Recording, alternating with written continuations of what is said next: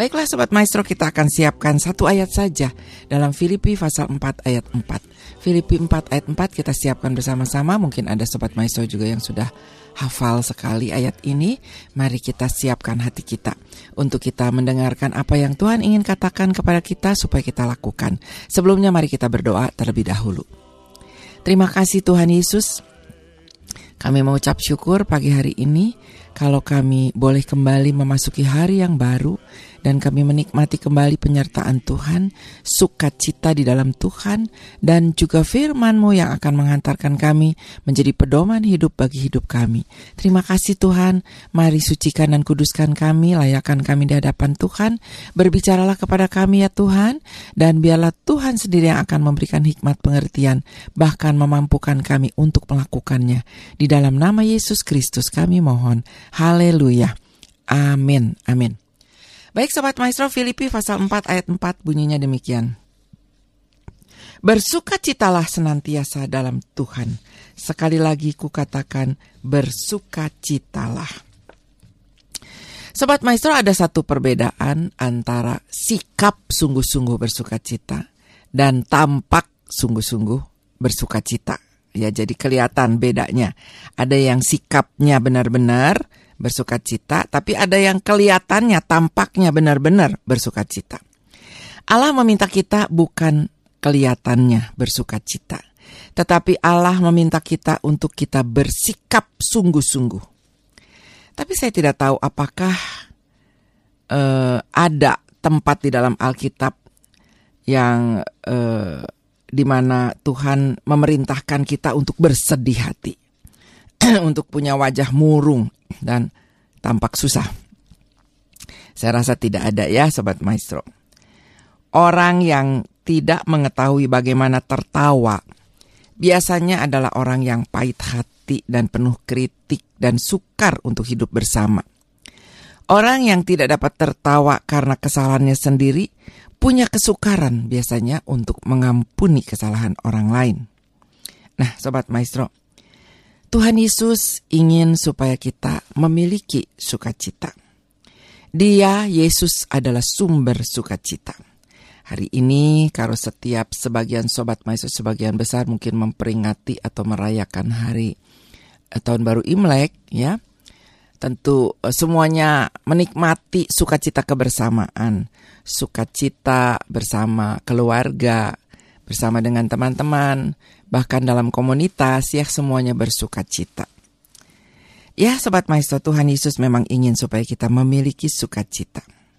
Dia berkata kepada para muridnya, Semuanya itu kukatakan kepadamu supaya sukacitaku ada di dalam kamu dan sukacitamu menjadi penuh.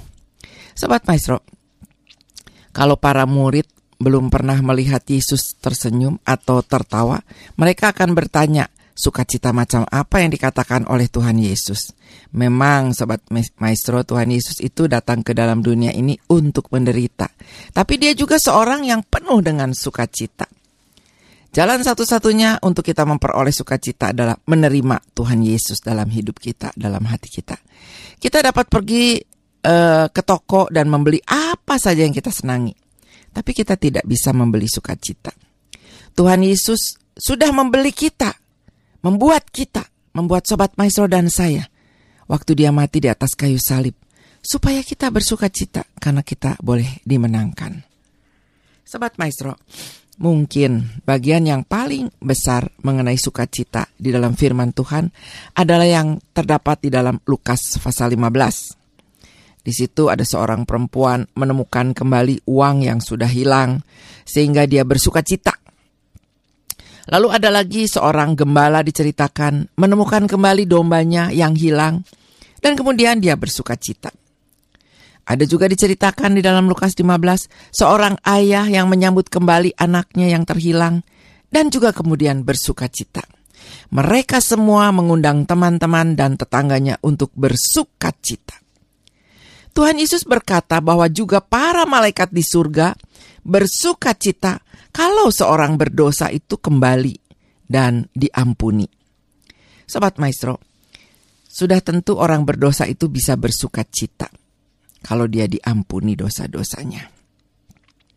Langkah pertama menuju sukacita adalah menerima Kristus sebagai juru selamat pribadi. Ya, sobat maestro, orang Kristen adalah orang yang bersuka cita seharusnya. Kenapa? Karena dosa-dosa mereka sudah diampuni. Bapa di surga memelihara orang yang sudah diampuni, yang datang kepadanya minta ampun. Dan orang yang sudah diampuni tentunya uh, bersuka cita ya melalui hidup di dalam dunia ini. Kita tidak selalu dapat bersuka cita atas keadaan kita memang, tapi kita dapat bersuka cita dalam keadaan kita. Walaupun itu sama sekali tidak memberi penghiburan. Firman Tuhan tetap berbunyi, tidak berubah. Bersukacitalah senantiasa di dalam Tuhan. Dan dikatakan sekali lagi kukatakan bersuka citalah. Sobat Maestro, Sukacita adalah hak dari setiap orang percaya.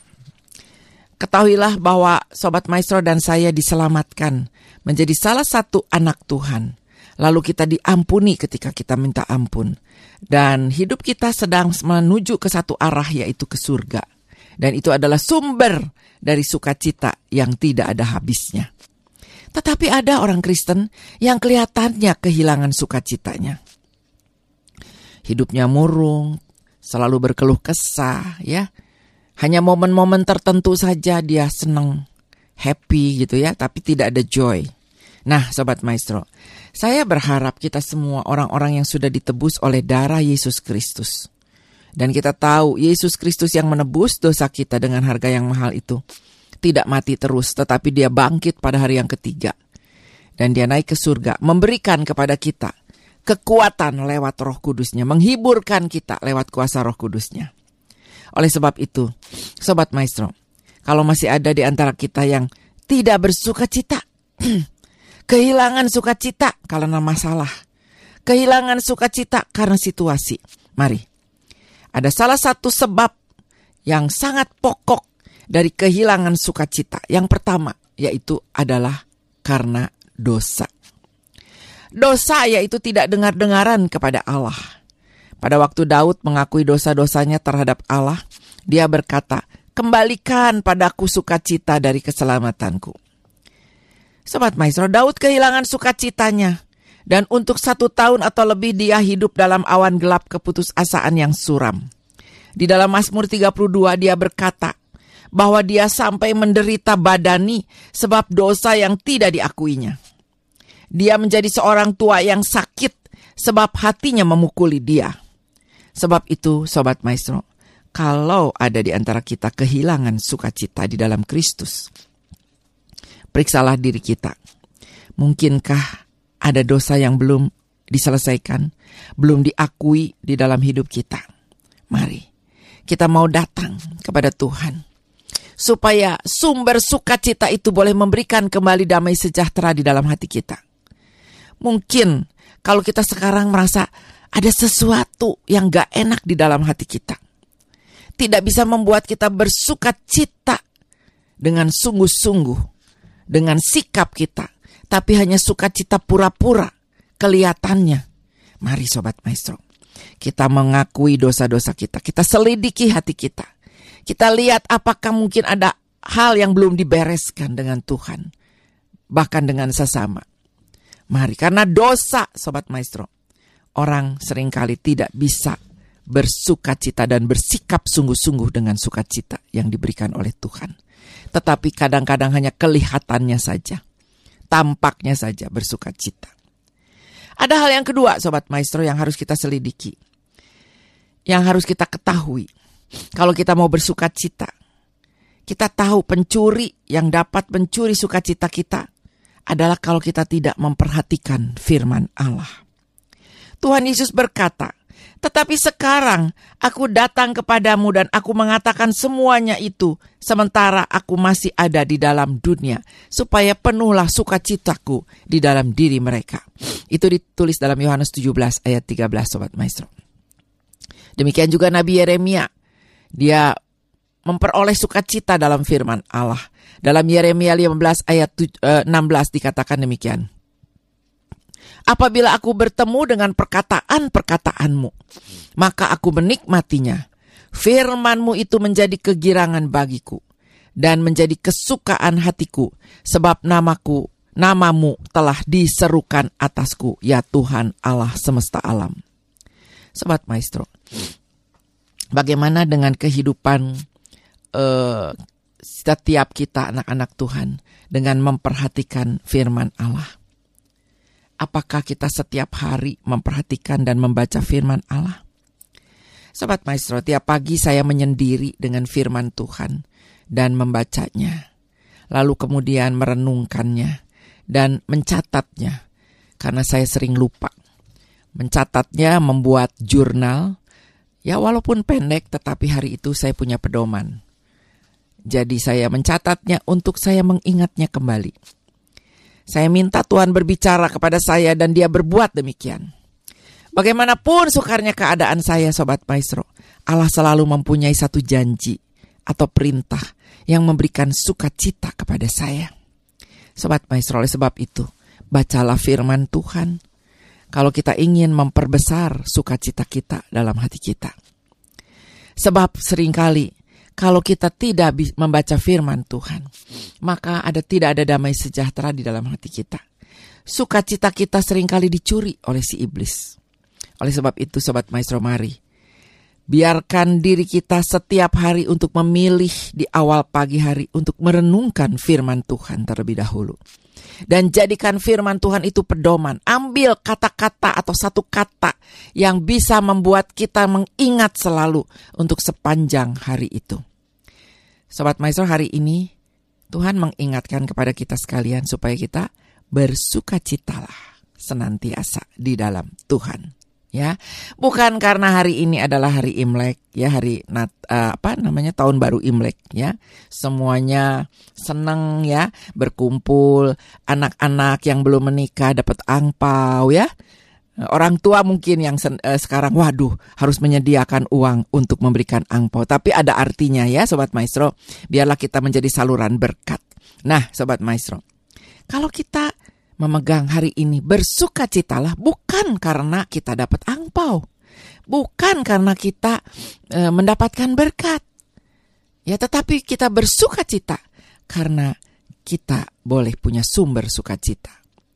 Sobat Maestro, karena kita pegang firman Tuhan.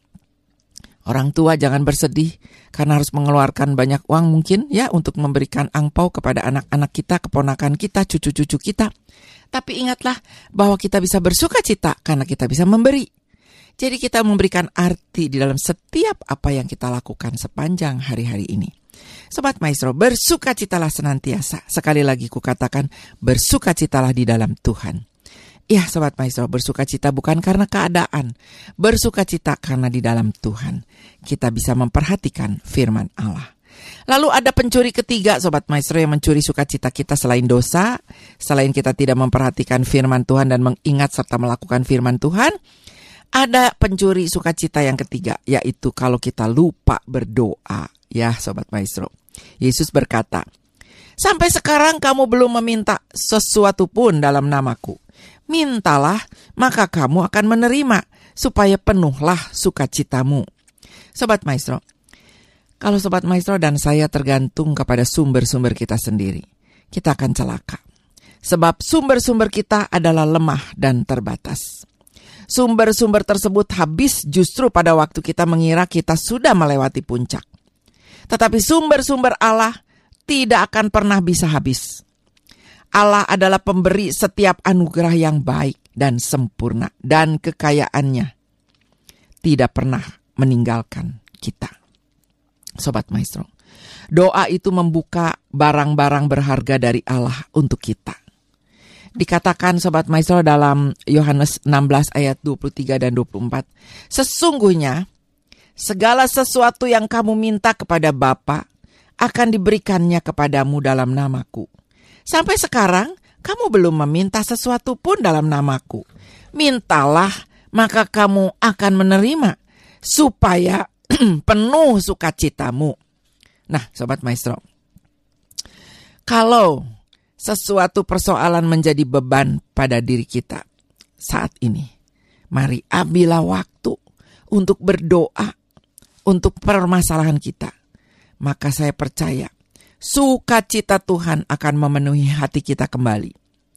Sobat Maestro berbicara dengan Tuhan. Berdoa kepadanya. Membuat hati kita lega. Jangan biarkan dosa, jangan biarkan melalaikan firman Allah, dan jangan biarkan kita tidak berdoa menjadi pencuri sukacita dari kita. Allah ingin supaya kita memiliki sukacita. Sukacita karena Tuhan itu adalah perlindunganmu dikatakan dalam Nehemia 8 ayat 11. Sukacita memberi minyak pada roda kehidupan dan membuat semua berjalan lebih sempurna. Seorang Kristen yang bersuka cita adalah orang Kristen yang kuat.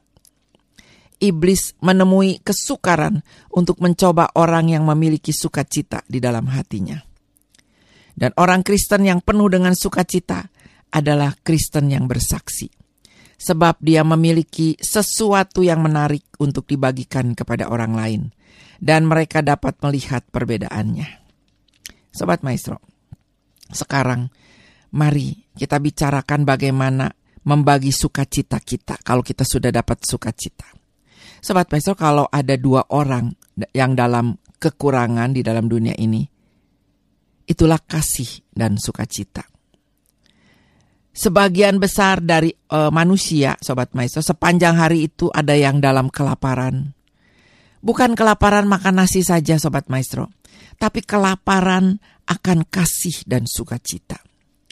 Kalau Sobat Maestro dan saya penuh dengan roh Allah dan berjalan di dalam kuasanya, maka orang lain akan melihat kasih dan sukacita dalam hidup kita. Kita tidak perlu membuat kejadian apa pun menjadi buah yang senantiasa bertumbuh dan menghasilkan kembali dalam hidup kita sehingga kalau kita uh, membuat kejadian itu menjadi pahit maka pahit kepahitan itu bisa berlipat kali ganda. Sobat Maestro, bagaimana kita dapat membagi sukacita kita? Yaitu melalui sikap kita. Kita tidak dapat menyembunyikan sukacita di dalam hati kita yang meluap keluar. Kita tidak dapat, Sobat Maestro. Kalau sukacita itu pasti kelihatan. Dari penampilan kita, dari wajah kita. Ya, sukacita itu akan kelihatan, bahkan akan ke transfer, Sobat Maestro. Kita tidak perlu memakai tanda untuk memberitahukan kepada orang di sekitar kita bahwa kita ini sedang bersuka cita. Sukacita itu akan memuncul, eh, akan muncul, terekspresi keluar. Demikian sebaliknya, kalau kita lagi pahit hati, kalau kita lagi jengkel, kalau kita lagi marah, orang lain nggak usah diberi, eh, orang lain uh, juga akan melihat dan kita tidak perlu memberi tanda ya dari muka kita kelihatan. Kalau orang yang betean itu ya sobat maestro selalu mukanya murem ya ada tuh sobat maestro. Ya kemarin juga saya dengar ada orang yang uh, menerima orang juga mukanya nggak enak gitu ya. Bete gitu ya mukanya. Bad temper ya mukanya nggak enak gitu ya. Itu kelihatan sobat maestro dia lagi sedang tidak bersuka cita. Mana ada orang bersuka cita tapi mukanya uh, asam ya mukanya seperti orang marah gitu. Nggak ada ya sobat maestro. Kalau sukacita itu keluar dari hati. Terekspresi. Dari mata kelihatan sobat maestro. Orang yang bersuka cita itu matanya berbinar-binar ya. Dari mukanya itu kelihatan segar kelihatan uh, ada apa namanya smiling face ya. Orang mengatakannya wah mukanya kelihatan bersuka cita mereka dapat melihatnya dari sikap dan perbuatan kita Sobat Maestro, orang-orang memandang kita sebab kita adalah orang Kristen. Dan ini memberikan pada kita kesempatan indah untuk menunjukkan pada orang-orang di sekitar kita perbedaan apa yang sudah dilakukan oleh Kristus di dalam hidup kita. Sobat Maestro, orang Kristen yang bersuka cita juga bisa membagi sukacitanya dengan melakukan tugasnya dengan senang hati dan tidak mengeluh tentang itu. Dia mencoba sebaik-baiknya untuk menambah atau untuk tidak menambah persoalan pada orang lain. Dia merupakan bagian dari jawabannya dan bukan bagian dari persoalannya. Sobat Maestro, ada orang yang uh, merasa dirinya diperbudak, merasa dirinya diperlakukan tidak adil, merasa dirinya uh, dibikin pembantu gitu ya kalau melakukan tugas atau mengerjakan sesuatu itu. Karena apa? Karena hatinya. Hatinya tidak beres dengan Tuhan. Hatinya tidak beres dengan sesama. Sehingga kalau dia melakukan tugas apa pun itu baik disuruh ataupun uh, melakukan dengan inisiatif sendiri terpaksa ya apalagi kalau disuruh ya dimintain tolong gitu ya terpaksa tidak suka marah merasa dirinya diperlakukan seperti pembantu. Nah, sobat maestro, kalau ada orang yang seperti ini, ya mungkin dia tidak beres dengan Tuhan dan tidak beres dengan sesama. Hatinya tidak bersuka cita mengerjakan segala sesuatu. Kalau orang yang bersuka cita, dia melakukan apa pun juga dengan senang hati, tidak mengeluh. Ya. Di sekeliling kita ada banyak orang-orang yang merasa kesepian dan dalam kepahitan dan mereka memerlukan satu bagian yang besar dari kasih dan sukacita kita. Kita bisa membantu sobat maestro, melakukan apa pun untuk kita bisa membagi kasih dan sukacita dengan sukacita tentunya. Mungkin ada orang yang orang yang paling mudah untuk uh, mungkin buka uh, kita ya, mungkin kita bukan orang yang paling mudah untuk diajak bekerja di dalam dunia ini atau diajak makan atau diajak bicara. Tapi orang di sekitar kita itu membutuhkan apa yang kita bisa lakukan. Biarlah Allah memimpin kita sobat maestro. Biarlah kita juga mau melakukan sesuatu untuk kita bisa berbagi sukacita. Biarlah kita mohon supaya Allah menolong kita supaya kita dapat mengerti kebutuhan sekeliling kita dengan kasih dan sukacita yang kita bisa berikan. Dengarlah apa yang mereka katakan walaupun mungkin kita tidak setuju dengan beberapa hal. Ingat bahwa kita tidak berusaha untuk memenangkan satu perdebatan. Kita berusaha untuk memenangkan satu jiwa bagi Kristus. Nah, sobat maestro, sikap kita dalam kasih dan sukacita yang bisa kita bagikan. Biarlah itu boleh menjadi berkat. Biarlah itu kita bisa uh, bagikan sehingga orang lain bisa mendengar, melihat, dan bisa merasakan ketika kita membagikan kasih Kristus dengan orang-orang di sekitar kita. Sobat Maestro, kasih dan sukacita yang kita dapatkan, yang kita punya, itu kita bisa impartasikan kepada orang-orang di sekitar kita. Tiap jam ada satu hal untuk mana kita dapat bersuka cita. Sebab itu mulailah kita menumbuhkan sikap sukacita. Pelihara hati kita di dalam kekudusan. Ambil waktu untuk firman Tuhan dan tetap berdoa. Carilah jalan-jalan untuk membuat hidup kita lebih mudah dan senang bagi orang lain, juga bagi diri kita sendiri. Dan kalau kita berbuat sesuatu hal yang aneh, yang heran akan terjadi pada kita, biarlah kasih dan sukacita dari Allah itu akan tetap memenuhi hati kita. Mari Sobat Maestro, saya ajak untuk Sobat Maestro bersukacitalah senantiasa di dalam Tuhan. Firman Allah, pegang kata-kata Tuhan untuk menjadi pedoman bagi hidup kita dalam satu hari lepas satu hari. Lalu kemudian tetaplah berdoa Tuhan akan memberikan kepada kita sukacita yang terpancar. Mari kita berdoa. Terima kasih Tuhan Yesus. Kami mengucap syukur kepadamu karena kami tahu Tuhan, kami sering kali jatuh di dalam soal keadaan sekeliling kami. Kami jatuh tidak lagi bisa bersuka cita karena masalah-masalah persoalan hidup. Tetapi kami percaya bahwa kami perlu sumber sukacita itu yaitu Tuhan Yesus. Biarlah kami membereskan setiap kesalahan kami, dosa-dosa kami dan kita kami mohon ampun kepada Tuhan sehingga kami bisa membereskan diri kami dengan Tuhan, hubungan kami dengan Engkau, bahkan hubungan kami dengan dengan sesama. Kami juga mau memperhatikan firman Allah yang menjadi pedoman bagi hidup kami dan kami mau belajar untuk terus bisa menjadi eh, orang-orang uh, yang senantiasa berdoa karena itu adalah menjadi kekuatan hidup kami. Terima kasih Tuhan, biarlah sukacita kami penuh di dalam Engkau dan Engkau di dalam kami. Terpujilah Engkau Allah kami dalam nama Yesus Kristus kami berdoa. Haleluya. Amin, amin, amin. Sobat Maestro, saya Misi Anggriani akan segera undur diri dari hadapan Sobat Maestro dan biarlah kita boleh kembali tetap menikmati kebaikan Tuhan, bersuka cita senantiasa. Sekali lagi, Gong Si Facai dan setiap Sobat Maestro yang boleh merayakannya bersuka cita lebih lagi senantiasa di dalam Tuhan. Baiklah dari Geraha Maestro Jalan Kaca Piring 12 Bandung, saya Misi Anggriani akan segera undur diri. Tuhan memberkati kita semua dengan sukacita yang penuh. Shalom, damai sejahtera Tuhan beserta dengan kita sekalian.